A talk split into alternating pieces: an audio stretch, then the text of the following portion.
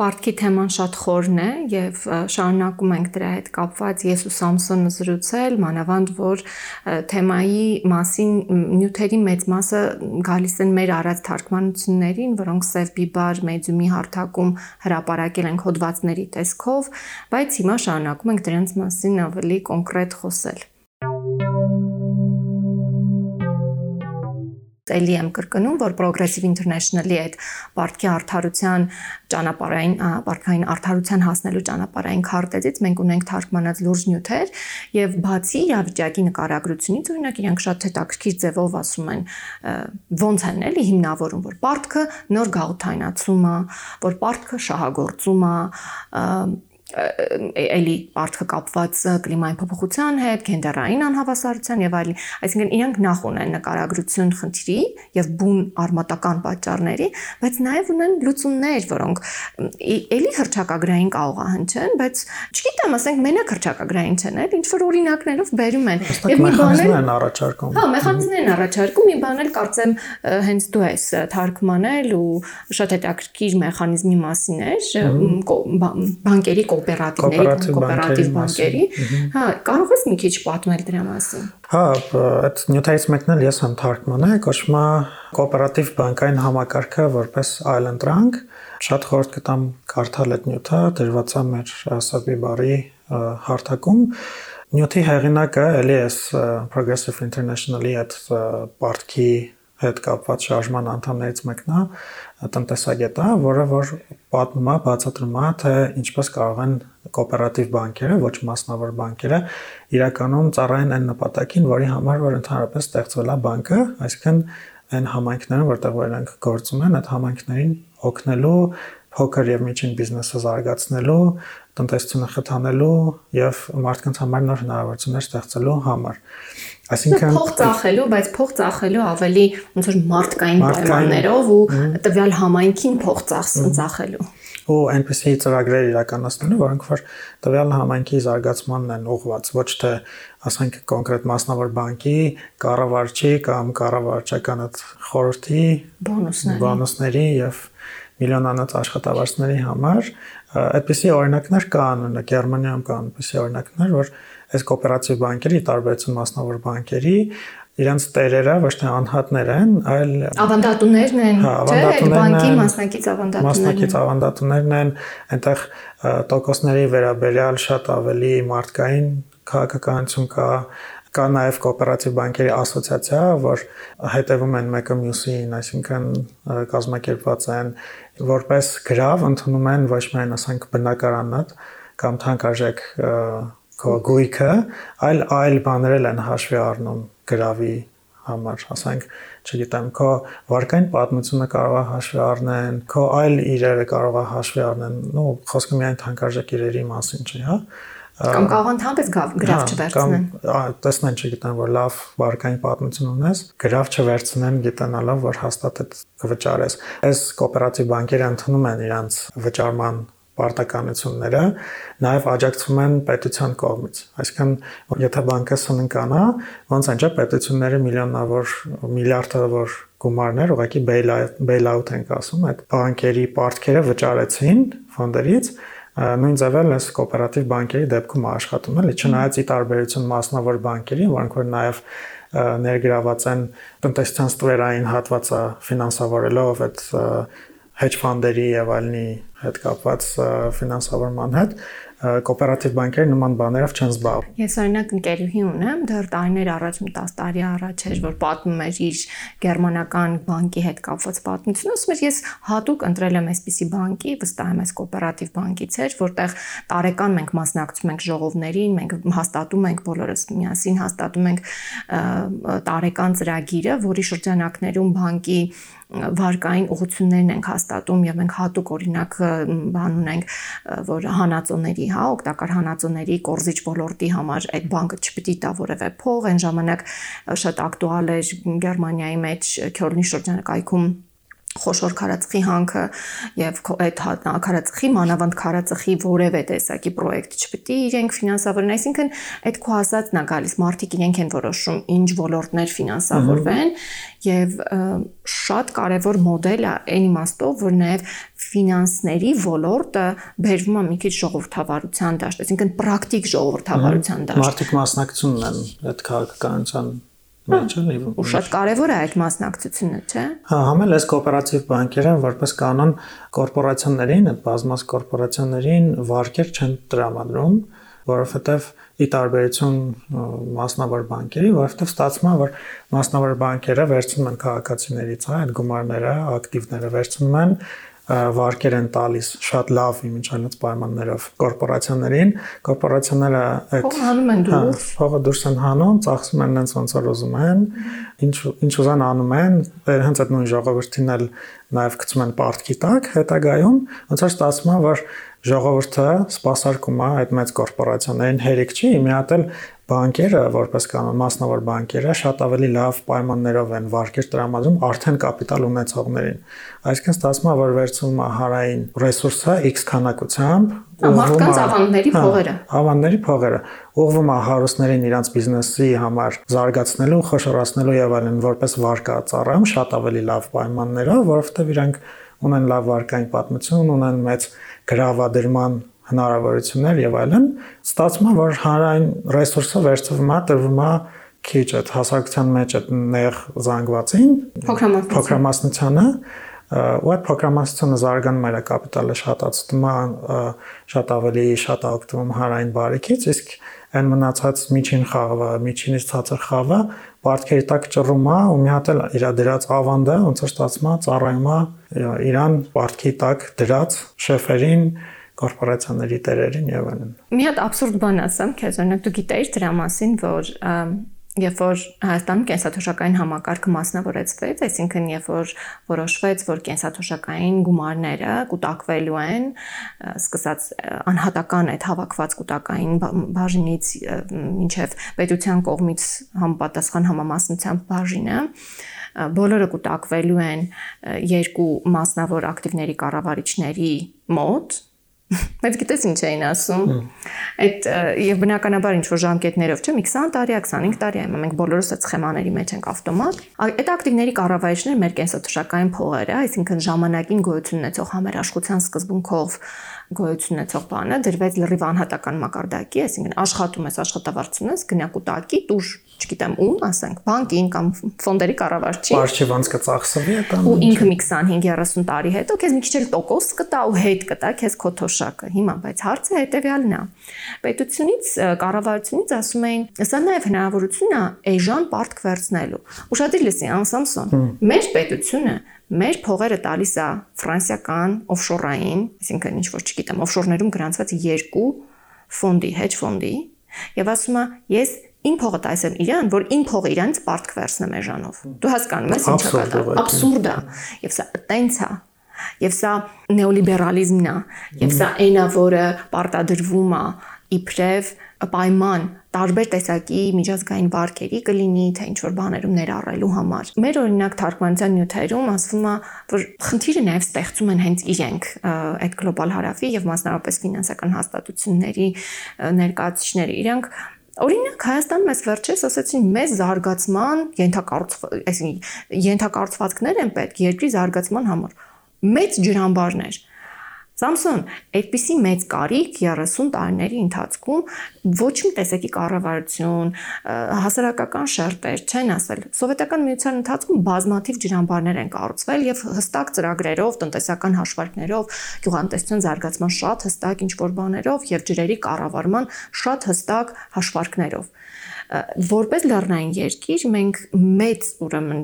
մեծ ջրային ավազանների ռիսկի տակ չենք կարող գնալ, այսինքն եւ սեյսմիկ իմաստով եւ այդ ռելիեֆի կտրտվածության իմաստով, բայց Դու մի ասա, սա մի հերթական սխեման է պարտքային գործիքն է դառնալու, որովհետև մեզ պարտադրվում է կարիքը, ասում են դուք ունեք կարիք մեծ ջրամբարների։ Պետք է, ուղղակի Հաստատ պետք է ձեր ջրամբարները։ Դուք կտեսնես հիմա ասենք առաջիկա 1-2 տարում ոնց է դիսկուրսը գնալու։ Եվ հետո ասելու են դե որ պետք է ձեզ, ուրեմն եկեք մեզնից պարտք վերցրեք, բայց ամենասարսափելին եւ սա այս մեր նյութերի մեջ թարգմանաբարելի երևում է,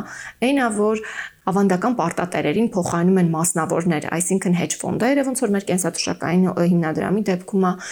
որոնք արդեն խիստ ագրեսիվ են եւ նրանց այդ բանակցություններն է դժվար, նրանք լուրջ խնդիրներ են ստեղծում, ել չասած ընդհանրապես պարտատոմսերի դաշտ, այսինքն կապիտալի շուկայի պարտքը շատ ավելի թանկ պարտ կա, քան ֆինանսական այդ հաստատություններինը կամ երկկողմնա։ Եվ երբ որ դու ասեցիր կոոպերատիվ բանկերի մասին, գրավի մասնավորապես հետ կապված, այսինքն ինչ որ մարդկային բան կա, էլի որ պարտադիր չի բոլոր դեպքերում գրավ վերցնել այդ գրավը։ Մինչև հիմա պետությունների մակարդակում ինչ որ սուվերենության բան է աշխատել։ Եվ այդ խոշոր խոշոր արտաքին պարտքերը հիմնական փոխվստահության վրա են հիմնված եղել, որ տրվել են այն պայմանավորվածություն, որ պիտի վճարվեն։ Խոշոր հաշվով մեծ այդպիսի ոնց որ վճիր կայացնող, պարտադրող ատյան չկա։ Օրինակ, եթե ինչ-որ մի երկիր չի կարողանում վճարել, ուղղակի չի կարողանում, ասում են դրա կամ կներենք քեզ կամ չգիտեմ, ինչ որ մի ուրիշ բան կլինի։ Այսինքն, այսպես ասած, ոստիկանական ուժ ու հարկադիր կատարման ինչ որ ինստիտուցիա գոյություն չունի։ Բայց եւ այդ նույն մտահոգությունը արտահայտում է հիմա արժույթի միջազգային կազմակերպությունը, որոշ պետություններ օրինակ Չինաստանը Եվ նույնիսկ Հնդկաստանը, իրանք դարձել են պարտատերեր, իրանք են սկսում վարկեր տան, մասնավորապես Աֆրիկային։ Եվ գիտես ինչ ձևի պայմանագրերով գրավադրմամբ։ Ինչն են գրավադրում աֆրիկյան պետությունները։ Ասենք հողը։ Հողը, դու հասկա։ Ու ստացվում է որ մի ամբողջ երկիր կարող է սեփական հող չունենա, որովհետև գրավի տակ է մնացել օրինակ Չինաստանին։ Եվ այդ սխեմաները արդեն լրիվ լողոզում են պետության, սուվերենության, միջազգային հարաբերություններում իրավահավասարության բոլոր տեսակի գաղափարներ։ Ես քեզ գաղութատիրությունն է, էլի։ Գաղութատիրության ավելի սարսափելի ձև է։ Օրինակ դու գիտեիր, որ Հայաստանի էլեկտրական ցանցերը, այս բոլոր բաշխիկ ցանցերը, սյուներով, ենթասյուներով, բղնձալարերով եւ այլնով գրավի տակ են հենց հիմա։ Ամբողջ Հայաստանը։ Եվ դա տեղի ունեցավ այն Սարսափելի էլեկտրիկ Երևան կոչված ցույցերից հետո, երբ որ ոնց որ մի մի ձեռնարկությունից ինքը արդեն մասնավորեցված էր ռուսական, բայց պետական ձեռնարկության անցավ ինչ որ օֆշորային Սամվել Կարապետյանին պատկանող ձեռնարկության։ Եվ որպեսզի այդ ձեռնարկությունը Սամվել Կարապետյանին կարողանա նոր վարկեր ստանա եւ այլն եւ այլն, ուրեմն գրավադրեց ամբողջ գույքը Մյուս խնդրը, որ մատնանշվում է, այն է, որ պետությունները կամ գրավադրում են հանրային այնպիսի բան, որ ուղղակի անպատկերացնելի է, օրինակ նույնիսկ 10 տարի առաջ ամենա ամենանեոլիբերալ այդ տնտեսագետները չէին նույնիսկ ասի, որ դա տենց ճիշտ է հիմա իրանք ասում են, դե հա, լավ, դե լավ, թող տենց էլ լինի։ Samsung օրինակ լուծումներից մի ուրիշ բան կա, որ վերնագիրը կոչվում է այսպես հանրային բարիկներ ստեղծեք եւ ոչ թե ֆինանսավորեք շատ բարձ բան է ասում, ասում է եւ արտաքին պարտքի խնդիրը, որ ոնց որ մենք խոսացինք մասնավոր անհատների պարտքի հետ կապված, ասում այդ խնդիրը լուծելու համար պետությունները պետք է իրոք ստեղծեն այդ հանրային բարիկները, որ մարդիկ իրենց սովորական կենսագործունեությունը ապահովելու համար ստիպված չլինեն պարտք վերցնել։ Եվ նաեւ դրանով նվազեցվում է ֆինանսական ոլորտի, ֆինանսական հատվածի խոշոր ազդեցությունը պետությունների ներքին քաղաքականությունների վրա։ Ինչքան իրանք այդքան լայնատարած տարածված չեն, այնքան ես քեզ մի բարձ օրինակ բերեմ։ Իմ բնակավայրի, իմ շենքի թաղամասում Ուրեմն եղել է հենց մեր շենքի առաջին հարկը մասնավորեցվել է եւ եղել է ինչ որ օբյեկտ։ Ժամանակին սովետական տարիներին դա եղել է բաղնիկ, հետո այդ բաղնիկը մասնավորեցվել է դարձել է ինչ որ չգիտեմ կաֆե, ռեստորան չեմ անում ինչ եւ Հիմա այս բան ինքը սարսափելի լքված, տենց կոտրված ապակիներով, անընդհատ ինչ որ գույք է կոտրվում, որտեղ անտերության մեջ է։ Եվ երբ որ ես այդ ակրկրվեցի, որ հասկանամ լուծումը որն է, ումա պատկոմխի է այս վիճակը ինչու, օրինակ թաղապետանը կամ քաղաքապետանը չեն զբաղվում, որովհետև ամբողջ բակային ու հանրային տարածքն է դրանից մեծ վնասի մեջ, մանավանդ իրենք վերցրել էին հանրային տարածքը եւ այնտեղ ինչ որ բաներ կառուցել այդ առանձին ապօրինի հարցը։ Բարձրաց որ սա սննկացած մի բան ա եղել, ասենք, չգիտեմ, ռեստորանը սննկացած ձեռնարկություն ա եղել, որը այս պահին անցել է բանկի տիրապետման տոп եւ եւ պատկանում է բանկին։ Եվ ստացվում է, ես որպես քաղաքացի հիմա պետք է այդ բանկի հետ հարաբերվեմ, ես նույնիսկ քաղաքապետանի հետ չեմ կա, ասում քաղաքապետան գնա լուծի այս հարցը, բայց քաղաքապետանը չի կարողանում այդ բանկի հետ խոսա, լուծի, որտեղ մի տեսակ չկան այդ հարաբերությունները, ոնց իրավասուբյեկտության հարց էլ կա այստեղ։ Եվ ստացվում է այնպես, որ բանկերը եւ ընդհանրապես ֆինանսական ոլորտը դարձել է ահռելի իշխանության, այսինքն ռեսուրսների տեր։ Ինքը մենակ փող չի առնում վաճառում, սա մենակ փողի շուկա չի։ Ինքը ունի ահռելի եւ հող, եւ բնակարաններ, եւ եւ գույք, եւ ձեռնարկություններ եւ ամեն ինչ։ Նույն թեղուտի հանքը վերցրու։ Ի վերջո սա պատկանում է բանկին այլևս։ Հա, մի ուրիշ խնդիր կար, որ ես ուզում եի ասել, կապված արտաքին պարտքի պայմանների նոր խայտարակ իրավիճակների հետ։ Օրինակ, լիքը դեպքերում պետությունները կանգնում են երաշխավոր մասնավոր ձեռնարկությունների պարտքերին, եւ դա Հայաստանում շատ դեպքերում եղել է, եւ մենք շատ ժամանակ տեղյակ չենք։ Եվ մեր հարկերը գնում են հաճախ այնպիսի սարսափելի բաներ ֆինանսական ֆինանսական ինչ-որ վատ գործարքներ ի վերջո, այսպես ասած, լվալու, հա, մաքրելու այդ սխալները, որոնք ոբշեմից հայտնի էլ չեն եղել։ Ես քեզ օրինակ բերեմ։ Միայն նրա պատճառով, որ ակտիվորեն հետևել եմ հանքարդյունաբերական այդ ապօրինի ծրագրերի գործընթացներին եւ ակտիվիստ եմ, նույն թեղուտի նախաձեռնության անդամն եմ եղել։ Ուրեմն այն գործարքը, որը ժամանակին կնքվել է ACP ընկերության եւ VTB բանկի միջև, հետո ACP-ն հիշում ենք 15-16 թվականներին ուրեմն հայտարարեց ֆինանսական ճգնաժամ եւ անցավ նրա գույքը, այսինքն Թեղուտ ՓԲ-ն, Ալավերդու գործարանը եւ այլ այլ գույքեր եւ իհարկե իրավունքը հանքաշահագործելու անցան VTB բանկին։ Ուրեմն 2000-ականների սկզբին կնքված պայմանագրում VTB ACP եղել է երրորդ կողմ, գուշակի որն է Հայաստանի Հանրապետության։ Այո, Հայաստանի Հանրապետության կառավարությունը։ Եղել է երրորդ կողմ, եղել է երաշխավոր, որ ճիշտ ասեմ, այդ պայմանագիրը հասանելի չի։ Մենք չունենք այդ բանը, ինչ ասում են առևտրային գաղտնիքա, բայց եթե այս պետությունը կամ ցանկացած պետություն պարտքի գործարքի մեջ պայմանագրի մեջ պիտի մասնակցի, ուրեմն մենք բոլորս պետք է տեսնենք այդ պայմանագիր։ Ուրեմն չպիտի լինի դա այլևս առևտրային գործարք։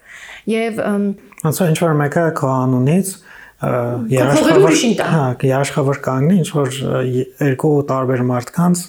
գործարքի պարտքի գնման եւ այլնի եւ ինչ այլոց իբրև սխեմա է դա սարսափելի օրինակ Հայաստանում այդ երաշխավորի սխեման շատ-շատ է շահագործվել եւ միկրոկրեդիտային կազմակերպությունների կողմից եւ նույնիսկ որոշ բանկերի կողմից ես ես օրինակ հիշում եմ Ղարաբաղում մարդիկ ասում էին, գիտեք, որովհետև բանակում ծառայողները, այսինքն սպայական անձնակազմը, այն անձնակազմներ, որը համարվում էր կայուն աշխատավարձ ունեցող եւ հետեւաբար իրենք հեշտ էին ստանում վարկեր, Մեկը միտին բողոքում էր, ասում էր, գիտես, շատ նաև տարածված է այդ երևույթը, որ մեզ մեր ամուսինների աշխատավարձի համար դիմում են, ասում են, ինչ կլինի, խնդրում ենք, եկեք երաշխավոր կանգնեք բանկում Եվ ասում է, եւ կային մարդիկ, որոնք ոնց որ ժամանակավոր բնակությամբ մարդիկ էին։ Ասում է, քանի քանի ընտանիք ներառյալ այդ կնոջ ընտանիքը գնացել են երաշխավոր են կանգնել, այդ հիմնական պարտատերերը ուղակի լքել են Ղարաբաղը, գնացել են, ասենք մի քանի ամիս հետո կամ մի տարի հետո, եւ ստացվում է մի 10 կամ նույնիսկ 15 տարվա պարտքի տակ են մնացել այս մարդիկ, որոնք երաշխավոր են կանգնել։ Հիմա տես, այս նույն մեխանիզմը պետությունների մակարդակում էլ գոյություն ունի Օրինակ, այնպես չի, որ այդ մեխանիզմները շատ հստակ դրված են, որ օրենքով պետք է արգելվեն, որ չի լինի։ Օրինակ, ես վերջերս մեր պետությունը գիտես ինչի է երաշխավոր կանգնել ու չգիտեմ պայմանները, որովհետև ուղղակի միայն լուրը գիտեմ։ Երբ Beeline-ը առավ մի նոր ընկերություն, կարծեմ Team SPA կոչվում եւ պետությունը այդտեղ ինչ որ ձևով երրորդ կողմ է այդ գործարքի մեջ եւ երաշխավորը։ Ու բազմաթիվ տենց օրինակներ կան, բայց ասածս այն է, որ Պարտքի հարցը, ոնց ասեմ, ոնց որ մենք թաղված ենք պարտքի մեջ, այն որ ասում է ձուկը ջրում լողում է, հարցնում են ջուրը ինչ, ասում է չգիտեմ ջուրը ինչ է։ Նույնն էլ մենք, մենք պարտքի մեջ թաղված ենք, բայց կարծես չգիտենք թե ինչ է ու չենք տեսնում դա, եւ պետք է այս հանել վեր եւ սկսել քննարկել։ Հիմա իրականն հենց տպավորություն է այս ամեն ինչից, որ ինչ-որ sense շատ վատ դիստոպիայի մեջ ենք ապրում ու որ չենք գիտակցում, որ այս իրականում ինչ-որ դիստոպիկ իրավիճակ է, որ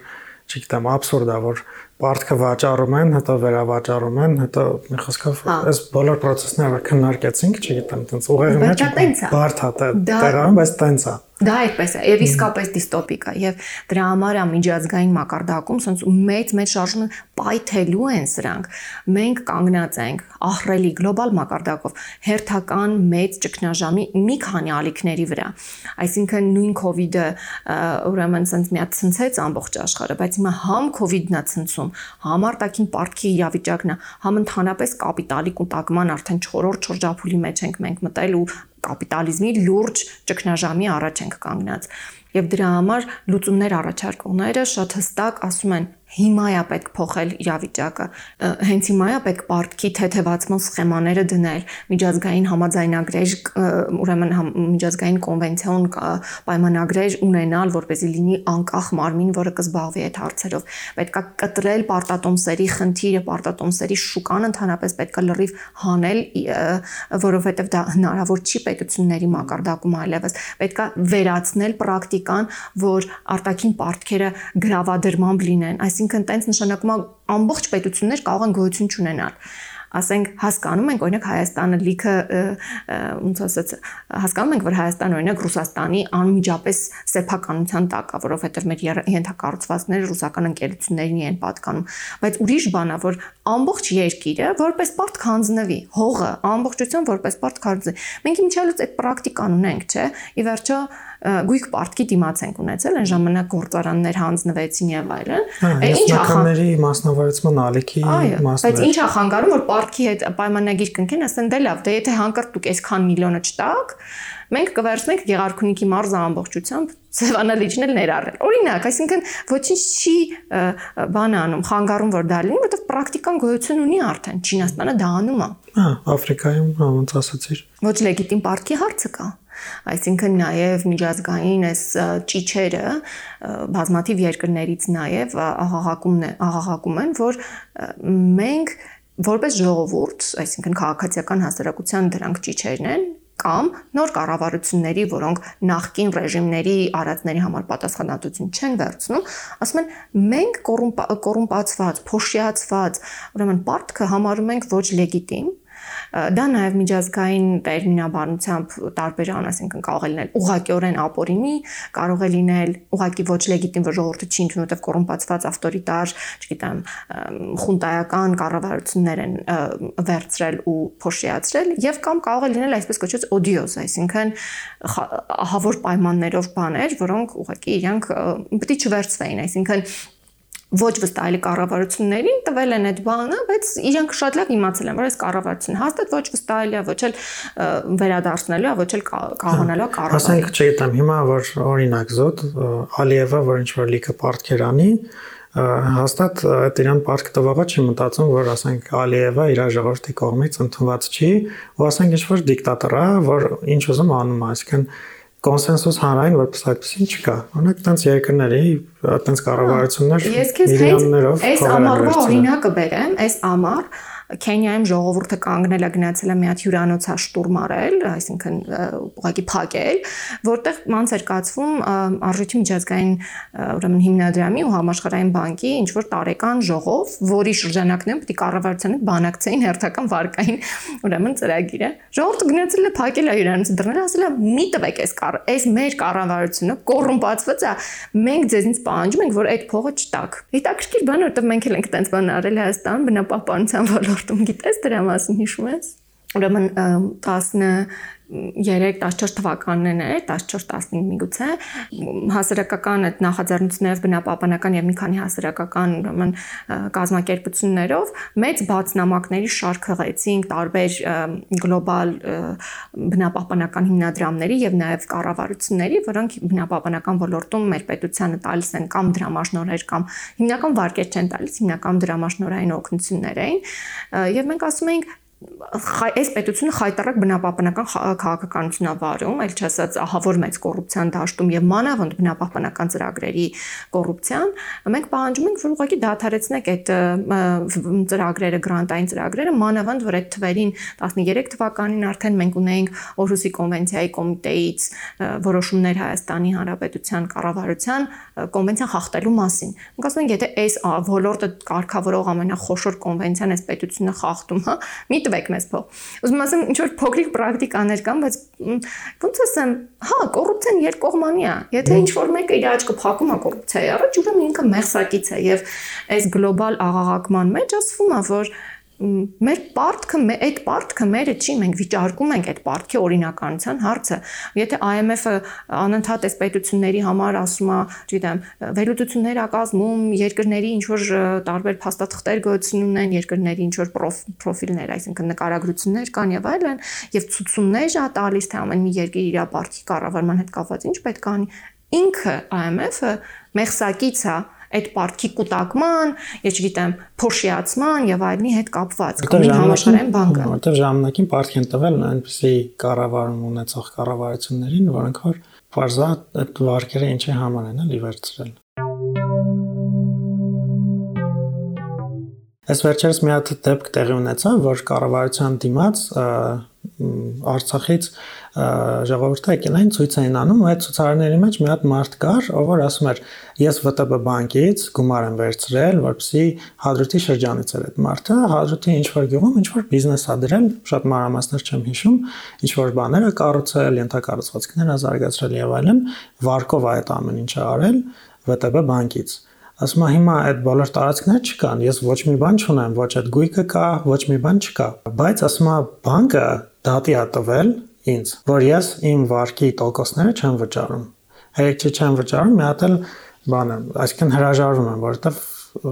ոչ մի, այսինքն force majeure-ային պատերազմը բանկը չի համարում, չի ընդունում որպես force majeure-ային իրավիճակ, որի մեջ որ հայտնվել է վարկառուն։ Նախարարին, էկոնոմիկայի նախարարին Վան Քերպյանն ասում է ինչ անեմ։ Վան նայում է բան, իր դեմքից գացում է որ ասելիք չունի, ու հետո լրագրողներին ասում է դե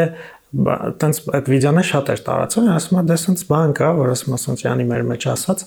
բան ես հայտարարում, սնանկ ես գնում կասնանկության դատարան, գնում ես սնանկ ես հայտարարում ու ոնց որ քեզ այդ պարտքերը ներվում է, դու հիմա սնանկ ես վերջ, ոնց որ այդ քո վեճերը բանկի հետ վերանում է։ Բայց գիտես ինչն է абսուրդ քո ասած պատմության մեջ, որ ընդհանրապես այդ հայ հայցը VTB բանկից Հայաստանի դատարանը ընդունել է։ Դա պետք է տեղում մերժվեր եւ VTB բանկը որևէ գործողություն տեղում պետք է նախ ինչիա մեր դատական համակարգը ծանրաբեռնում այդպիսի абսուրդ абսուրդ դատական գործով, որովհետեւ դա արդեն լուծված է։ Պետք է լուծված լիներ։ Դա ֆորս մաժորային իրավիճակ, ասենք ոնց կարա դու գնացել ես, հերիք չի, ասենք դու գնացել ես մի հատ տարածք, հադրուտ, որտեղ ասենք իրավական ռեժիմը լուրջ կասկածի տակ է, այնտեղ ասենք չճանաչված պետություն է, ուրեմն դու պետքա որպես բանկ իմանաս, որ դա քո ռիսկն է, նույնը բազմաթիվ, բազմաթիվ գործարարների մասն է, դու ռիսկ ես արել, ուրեմն պարտավոր ես կրել այդ ռիսկի գինը։ Հիմա վճարվել է այդ, ել չասած այդ մարդիկ, մարդ հազարավոր մարդիկ մեռել են ի վերջո դու որպես բանկ չես հասկանում, որ քո բիզնեսը այդտեղ չի ստացվել։ Չէ, իրանց չի հուզում, բայց նաև Բայց բանկերոպյանի պատասխանը էլ ավելի սարսափելի որտեղ ինքը չի ընկալում այդ հարցը։ Չի ընկալում խնդիրը։ Համել ես մտածում եմ մի քիչ ավելի գլոբալ բանով է պրոյեկտում, այն առաջարկը, որը որ Վան Քերոպյան առաջարկ ասում է, տիպիկ գործելավոճն է կորպորացիաների, որ վերցնում են միլիարդներով պարտքեր կուտակում են այդ պարտքերը, հետո հոп սենց բան են անում, դե մենք վերջ բան ենք, սնանք ենք ու հերիք չի տենց են անում, մի հատ էլ պետությունը հետո իրանց բեյլ-աութ անում, իրանց պարտքերը վճարում։ Իրանց չի բեյլ-աութ անում։ Հիմա ես քեզ ասեմ ումա բեյլ-աութ ամ։ բեյլ-աութը անում, այսինքն փրկության վճարա տալիս իրանց ֆինանսավորողներին, որտեղ ձեռնարկությունները իրանք արդեն սնկանում են։ Եվ այ ըստեղ մի հատ հետաքրքիր պատմություն ունեմ, օրինակ ունեմ մեր նյութերից Մոզամբիկի դեպքն է, Ինչի եմ ես դա ուզում հիմա հետ բերեմ այս խոսակցություն, որովհետև այդ լիբերալ տնտեսագետներ ու այդ տեխնոկրատները, որոնք կարող է, ասենք, լիքը բաներ գնեն մեր էպիզոդների տակ, կոմենտարիաներ եւ այլն, իրենք կարող ասեն, այ օրինակ, թող չվերցնեին պարտ կամ թող սենց չանեին կամ թող նենց չանեին, իրանք են մեղավոր եւ այլն եւ այլն։ Ուրեմն այդ օդիոս կոչված ապորինի կոչված պարտքի մի հատ շատ ցցուն օրինակ ա եղել այս վերջերս 15-16 թվականից սկսած կամ 14 թվականի գախնի ուրեմն պայմանագիրն ա եղել, բայց 17 թվականին գմփացել, այսինքն բացահայտվել է Մոզամբիկում։ Ինչ հա տեղի ունեցել։ 3 պետական ձեռնարկության համար պետությունը կանգնել է որպես երաշխավոր, որ ինքը կվճարի ահռելի միլիարդների հասնող, հիմա լավ չեմ հիշում, բայց հնարավոր է 2 միլիարդի մասնախոսքը, բայց լավ չեմ հիշում, դոլարի վարկեր, ինքը երաշխավոր կկանգնի, որ այս ձեռնարկությունները վերցնեն, ասենք, օրինակ Credit Suisse-ից եւ ելի մի երկու բանկ կար այնտեղ։ Պետությունը փաստացի մասնակցել է վարկային պայմանագրի, Այսինքն պետական ձեռնարկությունների պետական ձեռնարկությունների համար վարկա վերցրել, ասենց ասեմ, պետական համարյա գոյություն չունեցող, այսինքն գործունեություն չվարող պետական ձեռնարկությունների համար վարկա վերցրել, բայց այդ անելու համար ինքը պետքա դա ձևակերպեր որպես միջազգային վարկ եւ պետքա ուղարկեր պարլամենտ, այդ չի արել։ Դրա հաշվին ինքը դարձել է ապօրինի ինքը դարձել է ապօրինի գործարք, բայց ամենակարևորը գիտես ինչն է, որ ինքը չի հրաժարվել վճարելու Credit Suisse-ին Դու պատկերացնում ես մինչև 19 թվականը իրենք պատրաստ են եղել ու վճարել են լրիվ բացարձակապես փոշիացված գումարների համար։ Ինչի եմ ասում, որ նենց չի որ շարլատաններ են, որտեղ ասում են, «Ահա, կոռումպացված պետությունները շարլատաններ են, իրենք փող են վերցրել, չեն ուզում վճարեն», բայց միշտ չի դա ինձ որ իրենք ուղակի չեն ուզում։ Հիմնականում իրենք հակված են վճարել, հիմնականում իրենք ստիպված են վճարել։ Միջազգային համակարգը ստիպում է իրեն, նույնիսկ իրենք վճարում են այս այսպես կոչված օդիոս պարտքերը։ Հա, որովհետև հետո IMF-ի հենց նույն կայքում էլ կար, որ երբ որ պարտքը չի վճարում, ոնց որ պետությունը ռիսկի է, շատ մեծ ռիսկ է այդ պետության համար, որովհետև հետական հա, բացի դրանից էլ այն ներդրումները, չգիտեմ, միջազգային այլ ակտորները, որոնք որ պոտենցիալ ներդրումներ կարող անեն այդ կոնկրետ պետության մեջ, կոնկրետ այդ երկրում, հետո կնային, որ sense իրավիճակ ա եղել ու կհրաժարվեն, ալ ներդրում չնանի, նո մոտավորապես այն ինչ որ տեղ ունեցավ Լիբանանի դեպքում, որ հիմա ներդրումների քանակը Լիբանան 0 է։ հա, Գրեթե 0 է բայց դա անարդար համակարգ է։ Դա անարդար համակարգ այն իմաստով, որ պետությունները ընկնում են վարկանիշների Հայաստանը։ Այսինքն դու ձևը չունես չվճարելու, Հա, բայց բայց նաև քեզ ոչ մեկ չի ստիպում որ վճարես այն իմաստով որ այդպեսի միջազգային ասենք այսպես կոչված ոստիկանական ուժ չկա բացառությամբ առևտրային պարտատերերի այսինքն hedge ֆոնդերի բանկերի եւ այլն որոնք կարան գնան ներդրումային արբիտրաժներ իսկ արբիտրաժների որոշումների դեպքում պետության միջազգային հաշիվների վրա կարող է կամ ինչ-որ ակտիվների վրա կալանք կարող է դրել դա անում է հիմնականում միացյալ նահանգները հիմնականում է եւ այս մեր նյութերի մեջ ասում է պիտի փոխվի այսպես կոչված անրեժիմությունը the non regime, այսինքն այս դաշտը ինքը միջազգային կարգավորում չունի եւ այդ անրեժիմությունը, կամայականությունը, պետությունը պետությանը ինչ կանի, Ռուսաստանը Հայաստանին կանի պարտքույքի դիմաց, կներես, գույք պարտքի դիմաց, թե ես չգիտեմ, ել ինչ ձևի սխեմաներով իրար մեջ կլինեն այդ պարտքային հարաբերությունների լուծումները։ Laissez-faire էլի ոնց ասում։ Ընդհանրապես արդար չի ինքը խայտարակ է եւ պայթելու է։ Ամեն դեպքում դիստոպիան դու ճիշտ ես ասում, ինքը պայթելու է։ Ահա այն մարդկանց, ովքեր որ լսեցին այս էպիզոդը, շատ շնորհակալ ենք ու խորհուրդ ենք տալիս կարդալ մեր թարգմանությունները, որոնք որ դրված են մեր Medium հարթակում տարածեք, եթե ձեզ դուր եկավ, եթե կուզեք որ այս հնարկումները, այս դիսկուրսը տարածվի, ավելի շատ մարդ իմանա սրա մասին, շատ շնորհակալ կլինենք, եթե ձեր սոցիալական ցանցերով տարածեք, ուղարկեք ձեր ընկերներին կամ թեկուզ մեզ մեկնաբանություն գրեք, մեզ ձեր կարծիքը ասեք Սոցիալական ցանցերում նաև Facebook-ում Save Bibar Edge կա, այնտեղ կարող եք մեկնաբանություններ գրել։ Ունենք նաև Telegram ալիք, այդտեղ էլ ենք բարբերաբար որոշ նյութեր դնում։ Մի խոսքով ստանդարտ սոցիալական մեդիաներում կանք։ Մերսի շատ Աննա։ Քեզ էլ մերսի Սամսոն։ Կհանդիպենք մյուս էպիզոդի շրջանակներում։